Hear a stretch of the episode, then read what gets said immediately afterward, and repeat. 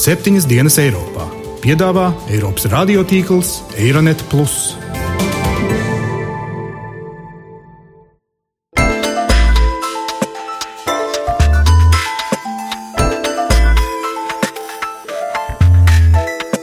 Šonadēļ septiņas dienas Eiropā dzirdēsim. Mūsu prezidentūra faktiski iesākās ar traģiskiem notikumiem gan Parīzē, pēc tam Kopenhāgenā.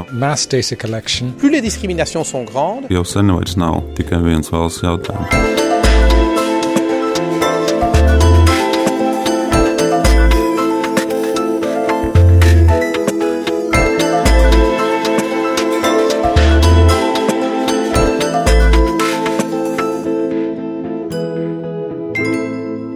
Labdien, godējumie klausītāji! Latvijas radio studijā Kārlis Streips klāt jauns septiņas dienas Eiropā raidījums, kur katru nedēļu spriežam par Eiropas un pasaules notikumiem un skatāmies, kā tie ietekmēs mūs tepat Latvijā.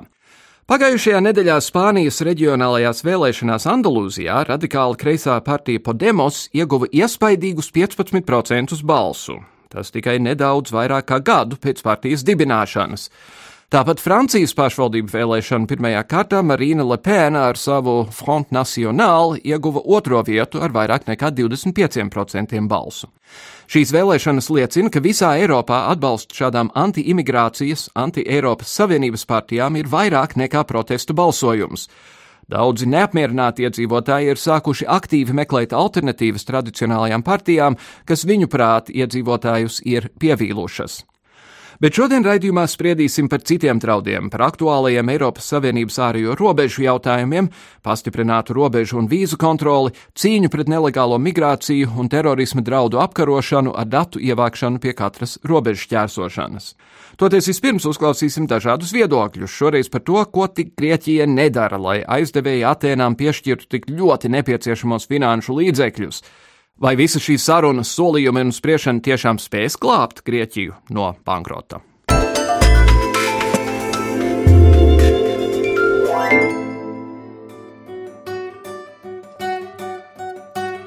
Tuvāko dienu laikā kļūs zināms, vai Grieķija paliks Eirozonā.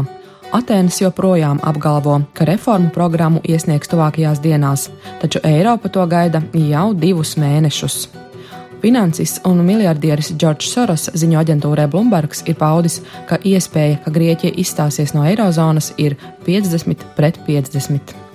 Lai gan Eiropas parlamenta prezidents Mārtiņš Šulcs intervijā Itālijas laikrakstā Republika pauda, ka vienošanos, kas atbloķēs glābšanas aizdevumu maksājumus, Grieķija un Eiropas Savienība panāks vēl aizvadītajā nedēļā, Grieķija kārtējo reizi būtisko lēmumu atlika. Reformas Grieķijā ir ļoti sensitīva tēma.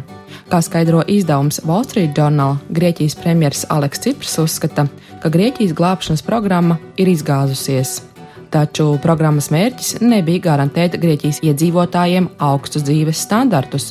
Programmas mērķis bija atjaunot Grieķijas pieeju tirgiem. Kā skaidro izdevums, no šī aspekta programma ir izdevusies.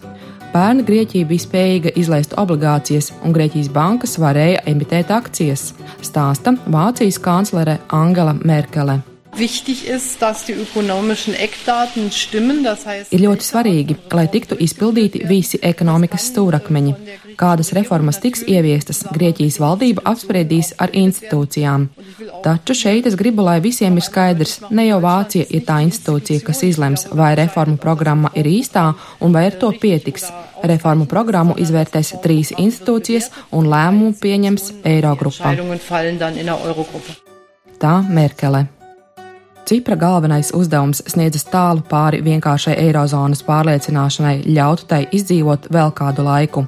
Grieķijai visticamāk nākotnē tomēr būs nepieciešami eirozonas aizdevumi.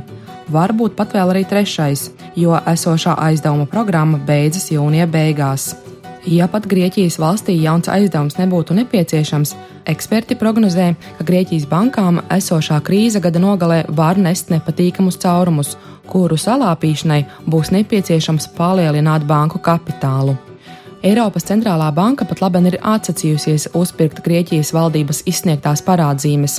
Tas nozīmē, ka Cipram pašreiz gandrīz nav kur aizņemties, lai izmaksātu pensijas un pabalstus un sektu citas steidzamas vajadzības. Stāsta Eiropas centrālās bankas prezidents Mario Draghi.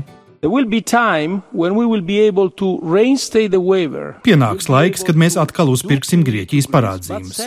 Taču pirms tam ir jāizpilda vairāki priekšnosacījumi, kas vēl nav izpildīti. Grieķijas bankas pašlaik paļaujas vienīgi uz ārkārtas likviditātes palīdzības mehānismu, kas ir dārgāks nekā ierastās centrālās bankas refinansēšanas darbības. Tiek uzskatīts, ka ar šādiem tēriņiem Grieķijai pietiek naudas vien līdz 9. aprīlim, kad tai ir jāatmaksā 420 miljoni eiro Startautiskajam valūtas fondam. Vēstulē Vācijas kanclerei Angelē Merkelei Ciprs ir brīdinājis, ka Grieķija nespēs atmaksāt savu parādu bez finansiālas palīdzības no Eiropas Savienības. Nesenie terorakti Parīzē un Kopenhāgenā, kā arī krīze tuvajos austrumos un Ukrainā, ir nostādījuši drošības jautājumus politiskās darba kārtības augšgalā. Kā pasargāt eiropiešus no draudiem? Viens iespējams risinājums ir izveidot ilgi apspriesto pasažieru datu reģistru.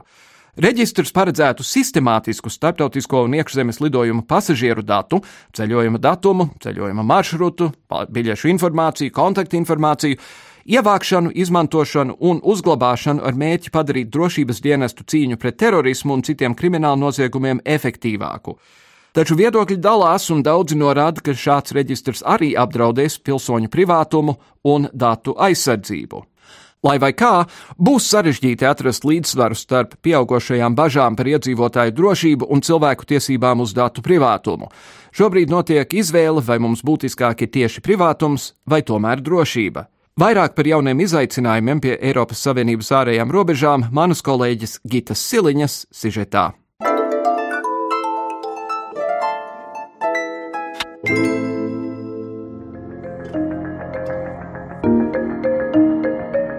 Eiropas Savienība sāks aktīvi kontrolēt pases un veiks personu pārbaudes arī Eiropas Savienības pilsoņiem, gan ieceļojot, gan dodoties ārpus Eiropas Savienības. Tas ir viens no pasākumiem, ko plānots ieviest, lai cīnītos pret terorismu Eiropā. Viena no aktīvākajām valstīm būs Francija, kas virzīs sistemātisku un koordinētu kontroli.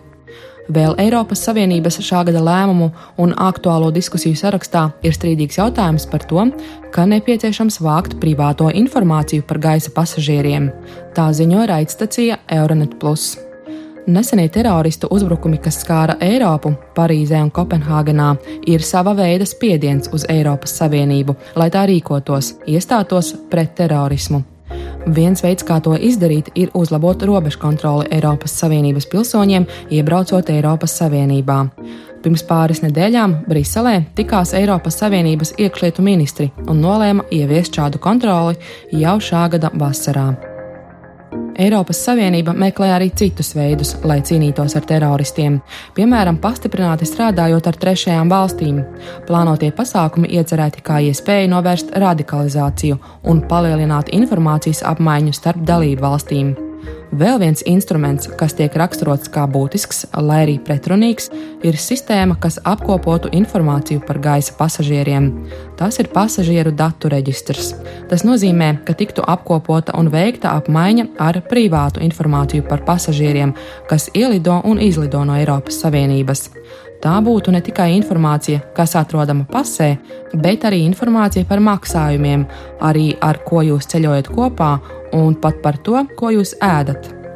Savukārt Eiropas digitālo tiesību organizācijas direktors Džo Makneims norāda, ka šāda sistēma varētu mazināt Eiropas Savienības pilsoņu pamattiesības.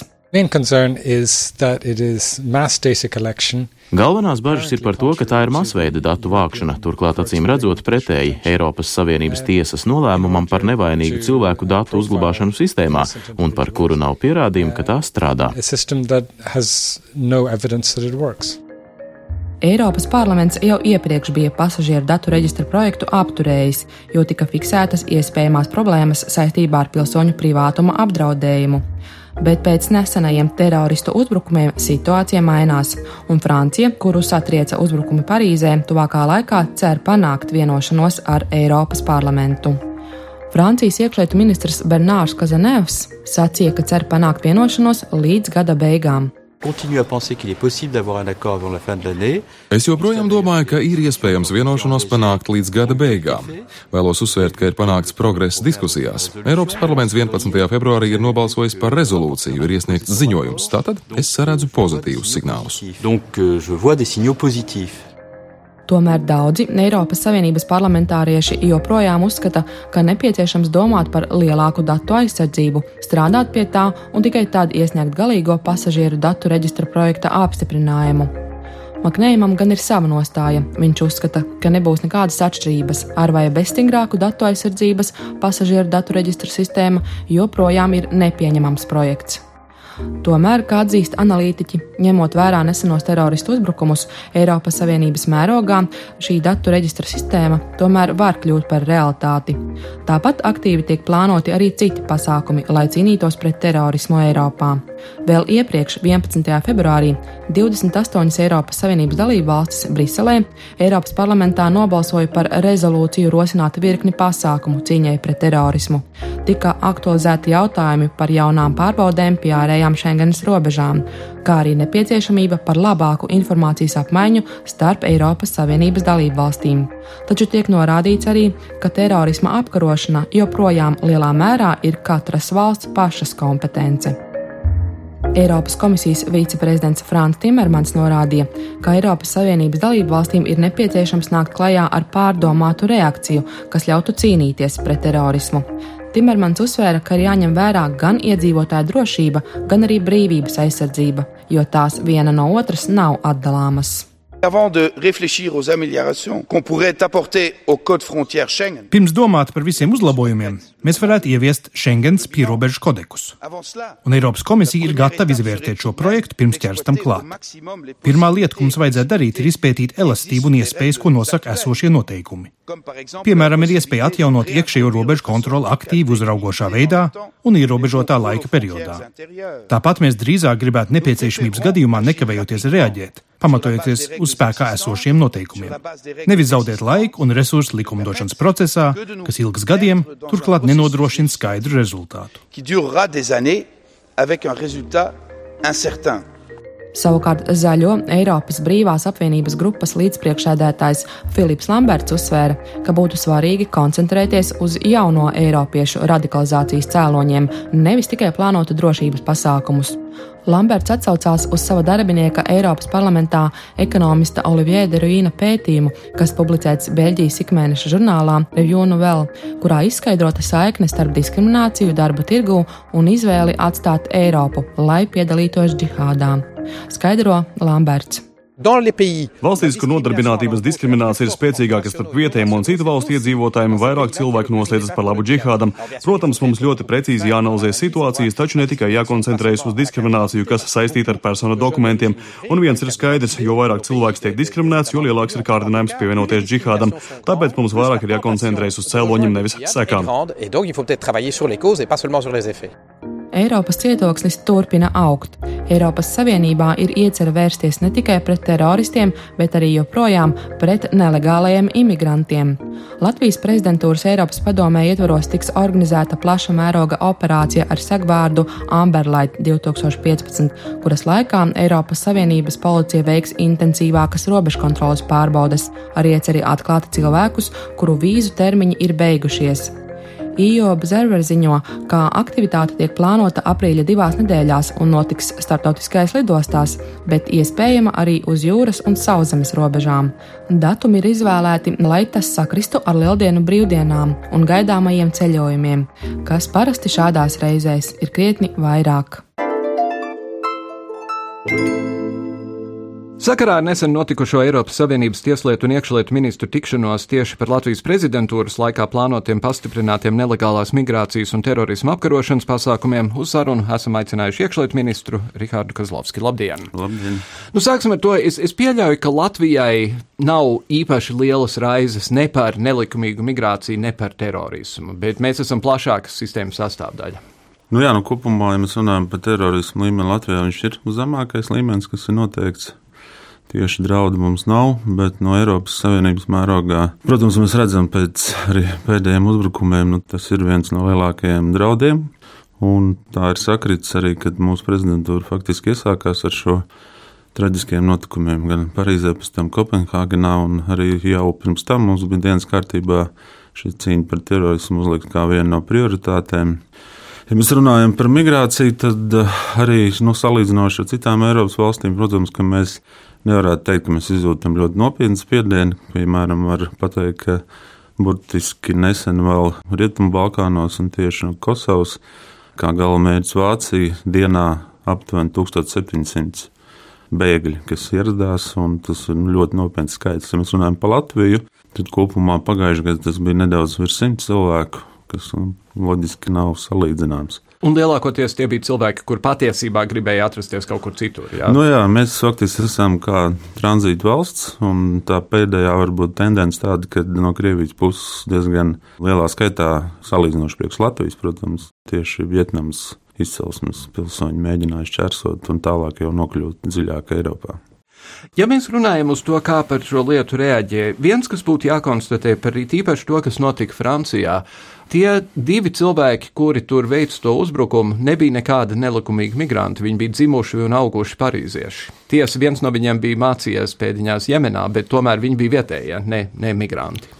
Nu jā, tas ir tas, kad tas tā saucamais ārvalstu kaujinieku fenomens, kas ir Eiropas Savienībā tagad un strauji arī izplatās. Protams, šādu personu skaits pieaug. Tie tiešām ir Eiropas Savienības pilsoņi, dažādu valstu pilsoņi, kas ne tikai ir attiecīgi varbūt jau nu, etniski musulmaņi, bet tās ir jau otrās, trešās paudzes iedzīvotāji. Te pašā laikā ir saucamie konvertīti, kas pieņem islāmu.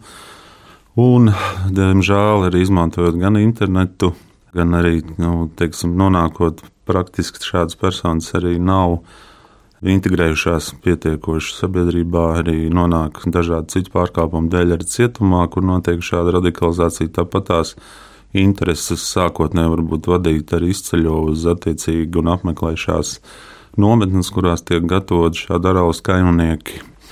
Un tas pēdējais Tāds varbūt virziens ir tāds, ka mēs redzam, ka tas vairs nav kaut kāds ļoti plaši organizētu grupu uzbrukums, bet tas jau ir individu uzbrukums, kas, protams, padara to daudz sarežģītāku šādu cīņu, kā mēs redzam, arī jā, agrāk bija izteikti faktiski spridzināšanas draudi un izmantotas bija sprāgstvielas, tad pēdējā laikā šie uzbrukumi bija saistīti tieši ar ieroču izmantošanu, smago ieroču izmantošanu, kas arī nu, norāda uz to, ka pietiekami bīstams šāds fenomens, jo nav nepieciešams liels skaits, arī viena persona, kā arī Kopenhāgenes pēdējais notikums parādīja, neskatoties uz to, ka bija faktiski informācija un bija klāta arī policija un pat tika izmantot metāla detektori, taču neskatoties uz to, persona raidīja vairāk kā 40 šāvienus, neiekļūstot telpā, nogalinot tomēr arī cilvēks un uh, ievainojot trīs policistus. Mm. Tas ir pietiekami nopietni.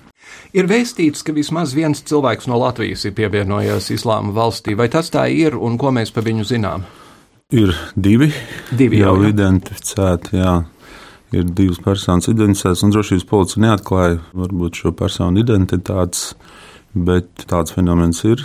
Un, jāsaka, ka nu, zināmā mērā arī satraucoši, ja mēs skatāmies to pašu Somiju, kas ir faktiski mūsu kaimiņu zeme arī un nebūtu neliecināti, ka varbūt tur arī varētu būt īpaša uh, radikalizācijas. Tad pēc Somijas attiecīgi publicētās vai sniegtās informācijas tur ir kā minimums to jau pie simts šādiem kaujiniekiem, kas ir bijuši šādās nometnēs, piedalījušies arī zināmā mērā daļa no viņiem arī konfliktos, un iespējams arī var atgriezties Somijā. Jautājums ir, ko viņi darīs atgriežoties valstī diezgan liels šaubas par viņa normālu integrāciju atkal attiecīgi sabiedrībā. Un nav izslēgts, ka viņi var tikt izmantot arī kā potenciāli šādu teroraktu īstenotāju. Vai mums ir iespēja un vēlme divu Latvijas iedzīvotāju gadījumā neļaut viņiem braukt mājās? Nu, mums ir nedaudz, varbūt, nu, es gribētu teikt, varbūt arī progresīvāka likumdošana, jo mēs skatījāmies uz šo fenomenu plašāk, kā zinām, mūsu iedzīvotāji Jau drošības policija ir arī publicējusi to, ka tie ir pāris desmit, kas atrodas arī Ukrajinā un ņem dalību šādos bruņotos konfliktos. Mēs esam grozījuši mūsu likumdošanu tomēr paredzot atbildību par nesankcionētu dalību un pretiesisku dalību bruņotos konfliktos ārvalstīs, kā arī par šādu konfliktu finansēšanu, atbalstīšanu, kā arī par rekrutēšanu un palīdzības sniegšanu, lai nokļūtu šādās, un tas ir krimināli sodāms. Līdz ar to tās personas faktiski tiktu pakļautas krimināla likumam. Un tas ir noziegums pret valsti, kas paredz arī diezgan nopietnu atbildību līdz pat desmit gadi cietumā.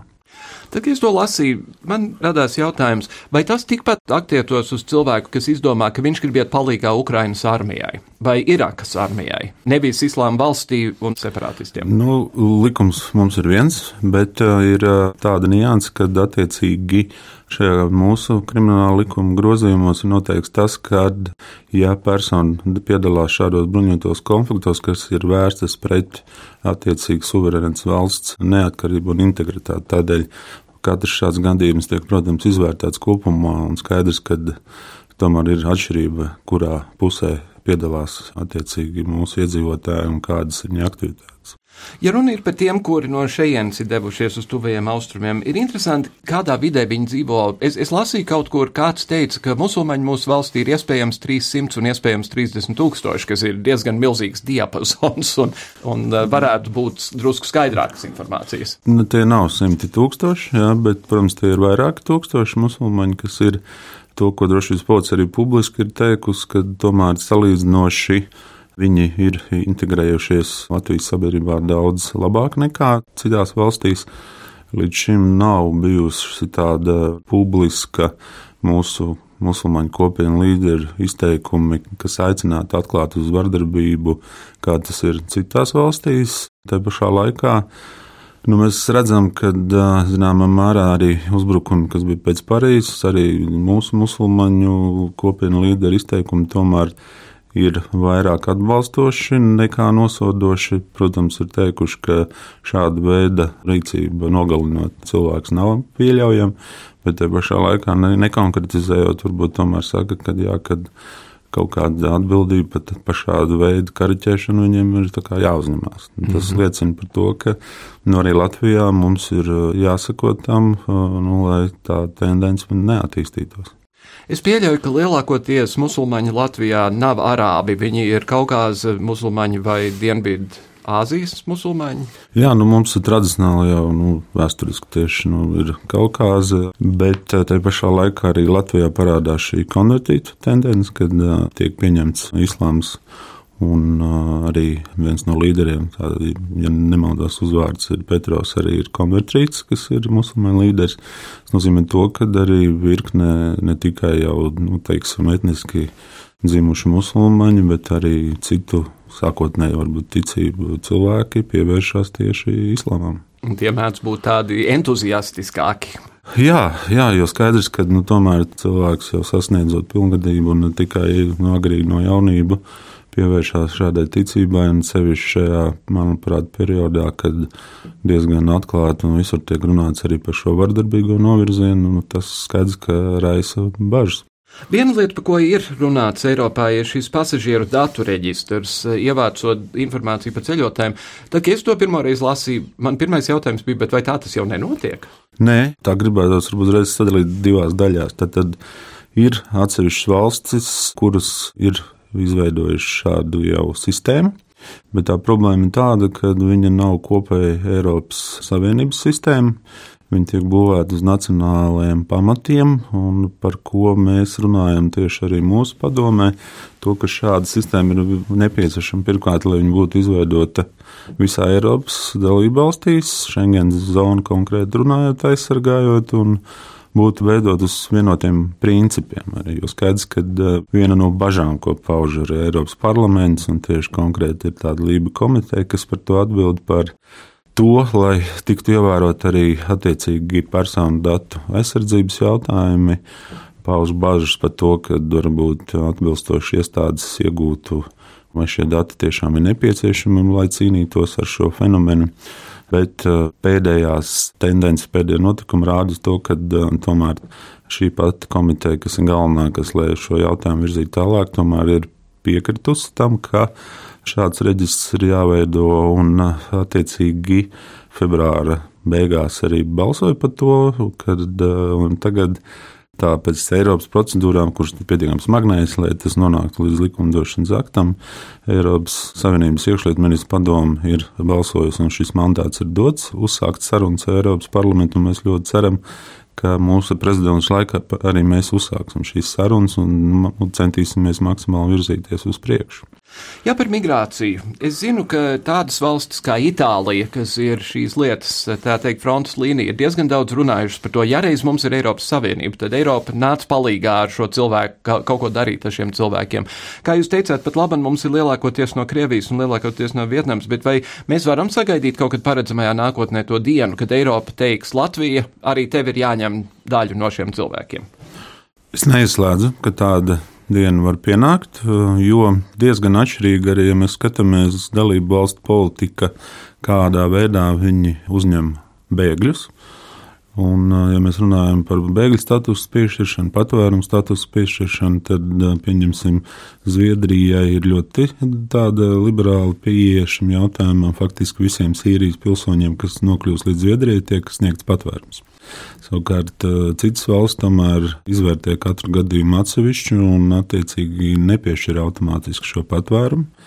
Bet jā, jau labu laiku, tas nav jau tikai pēdējā laikā, bet jau vairākus gadus notiek diskusija par tā saucamo patieso solidaritāti, migrācijas spiedienu un šo plūsmu pārvaldībā. Bet tas ir faktiski Eiropas komisijas kompetences jautājums, un komisija ir solījusi nākt klajā aptuveni maijā vai jūnijā ar tādu jaunu redzējumu par kopējo migrācijas plūsmu pārvaldību Eiropā. Un tad pēdīgi piezīmēsimies tepat Latvijā, cik droši pat labi ir Latvijas pašas robeža. Un ne tikai no militārā viedokļa, bet arī, piemēram, joprojām šādi skan, ka veids, kā cilvēki smugulē cigaretes iekšā mūsu valstī, vienkārši pārmet viņus pāri robežai, kas man vienmēr ir licies fifīgi. Bet, uh, cik, cik droši ir mūsu robeža kā tāda? Nu, ja mēs skatāmies, varbūt es gribētu salīdzināt ar Lietuvu, Igauniju, kā mums veicās, tad um, kopumā mēs esam tikuši tālāk, jo mums ir izdevies jau faktiski dabā marķēt mūsu robežu līniju gar Krievijas federāciju visos 270 km garumā, proti, iezīmētas ir šīs robežzīmes. Un, ja Igaunijai vēl Krievijas puse nav ratificējusi nemaz līgumu robežu, tad mēs jau tuvojamies noslēgumam šajā jautājumā. Bet otrs jautājums ir tieši robežu joslas ierīkošana, kas jau ir atbilstoša 12 metru platas joslas ierīkošana ar mērķi pirmkārt no arī lietojot jaunākās tehnoloģijas izslēgt faktiski arī pat individu gadījumu, nu, nesankcionētu šķērsošanu. Šāds projekts ir jau valdībā, viņš ir atbalstīts. Pašlaik ir sākusies jau iepirkuma procedūra, lai uzsāktu šīs robežu joslas ierīkošanu. Ja mēs teiktu, kāda ir situācija pašlaik, tad kopumā viņi ir apmierinoši. Es uzskatu, ka tādas grupas, personu grupu iekļūšana Latvijā tomēr nav tik vienkārši iespējama Es negribētu runāt par Ukrajinu, kur vispār ne tikai personas, bet arī smagā tehnika pārvietojās absolūti neierobežotā daudzumā un bezkontrolēta. Līdz ar to tomēr gribētu teikt, ka mēs esam daudz drošākā situācijā pašlaik.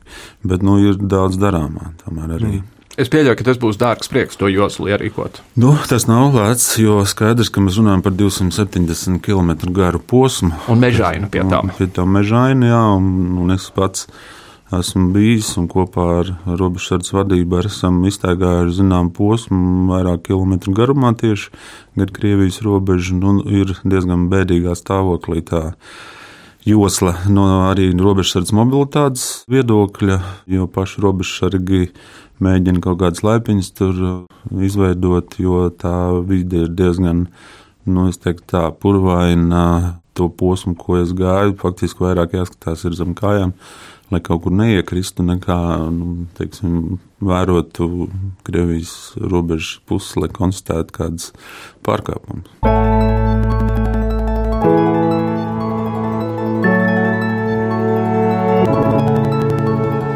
Iekšlietu jomā sadarbība ar, ar Krieviju ir kaut kādā pieņemamā līmenī, ņemot vērā visas sankcijas un embargo un vispārējo. Jā, nu mēs cenšamies tomēr profesionālā līmenī uzturēt, jo jāsaprot to, ja mēs nesadarbosimies tādās tieši profesionālās jomās, kā šī pati nelegāla imigrācija Tas nozīmē, to, ka mēs faktiski nespēsim aizturēt šādus nelegālos imigrantus uz robežas, viņus atgriezt Krievijas pusē. Jo tā kārtība ir tāda, ja mūsu robežsargi aiztur šādas personas pierobežā, tad tiek sastādīts kopā ar Krievijas robežsargiem atbilstošs akts par to, ka ir piefiksēts, ka viņi ir šķērsojuši Krievijas robežu un Krievijas pusē jāuzņem viņi atpakaļ. Ja tas nenotiek, tad eh, mums šādi Vietnams, piemēram, iedzīvotāji ir saskaņā ar regulējumu jānogādā uz Vietnamu pašiem. Un tās ir pietiekami nopietnas izmaksas. Tāpēc profesionāla līmenī mums sadarbības uzskata ir jāturpina. Un nu, arī var vēl minēt ne tikai robežsardzi, arī to pašu policiju sadarbību, tāpat narkotiku apkarošanā. Nu, jāsaprot, ka tā noziedzība nu, faktiski jau sen vairs nav tikai viens valsts jautājums. Tā ir pārobežu noziedzība. Šajā jomā mēs cenšamies to sadarbību uzturēt. Neskatoties, protams, uz to, ka politiskā jomā nu, nav mums šī sadarbība. Nu, tad jāsaka, lai jums veicas. Ja, paldies. Iekšlietu ministrs Rihards Kazlovskis. Paldies jums par sarunu. Medicīnas pamatu licējs Hipokrāts uzskatīja, ir jāārstē cilvēks, nevis slimība. Septiņas dienas Eiropā diagnoze ir līdzīga. Nesen saņēmām ziņu, ka pāris nedēļu laikā Latvijā pilnībā izsīks tuberkulozes vakcīnu krājumi. Tehnisku sarežģījumu dēļ to ražošanu uz laiku ir apturējis Dānijas uzņēmums, kas piegādā vakcīnas visai Eiropas Savienībai. Kāda ir situācija Eiropā un kādas ir prognozes? Komentē Nacionālā veselības dienesta pārstāve Evija Štālberga. Atbilstoši tai informācijai, šī piegāde varētu tikt atjaunota ne ātrāk kā šī gada maijā vai jūnijā.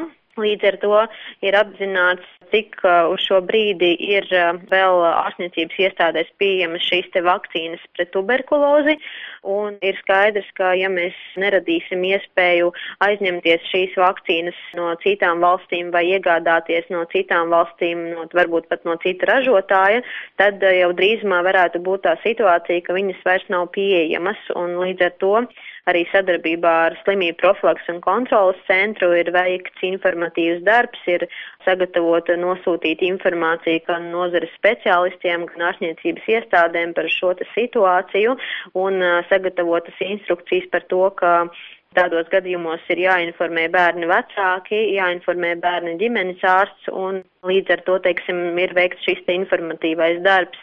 Saņemot šo informāciju par tehniskām problēmām ražošanā, mēs apzinājām iespējas aizņemties vakcīnu pret tuberkulozi no Igaunijas vai Lietuvas, bet diemžēl arī Igaunijā un Lietuvā nebija iespējas aizņemties, jo arī viņi paši ir meklējuši iespējas šīs te vakcīnas aizņemties vai iegādāties, jo šāda situācija, kā jau es minēju, vairākās valstīs Eiropā Līdz ar to mēs arī interesējāmies pašā Dānijā, kur tiek ražotas šīs vakcīnas, bet atbildi diemžēl bija negatīva. Un šis te ražotājs ir vienīgais, kas ražo vakcīnu, kas ir reģistrēta Eiropas Savienībā. Un tātad šī pēdējā atbilde, ko mēs gaidījām, bija no Polijas, kas mūs ir informējusi arī, ka nevarēs, diemžēl, nodrošināt mums iespēju iegādāties vakcīnas, kas būtu ražotas Polijā, jo viņiem nav, teiksim, šādas te liekas vakcīnas un īsā laika periodā viņas nav iespējams saražot. Līdz ar to mēs šobrīd gaidām atbildi no Horvātijas. Horvātijā, protams, tā situācija ir mazliet savādāka, jo tur atkal nenotiek zāļu ražošana, bet uh, Horvātijā ir uh, lieltirgotava, kurā iespējams varētu būt, teiksim, vakcīnu tāds atlikums uzkrājums, kuru mēs varētu iegādāties. Pagaidām mēs vēl atbildi neesam saņēmuši, bet esam lūguši sniegt mums atbildi uh, iespējami drīz. Ar to arī skan šīs nedēļas septiņas dienas Eiropā. Nu, diendāmas un kungi, mūsdienās mums ir jādomā par draudiem, kas ir daudz, daudz aktīvāki un globālāki nekā tas bija kādreiz.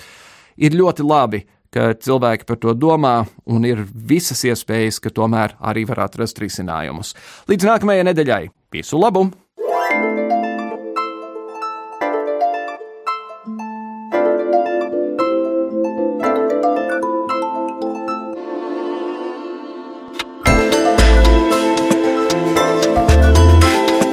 Raidījumu veido Kārlis Streips, Gita Siliņa un Jānis Krops. Producents Lukas Rozītis.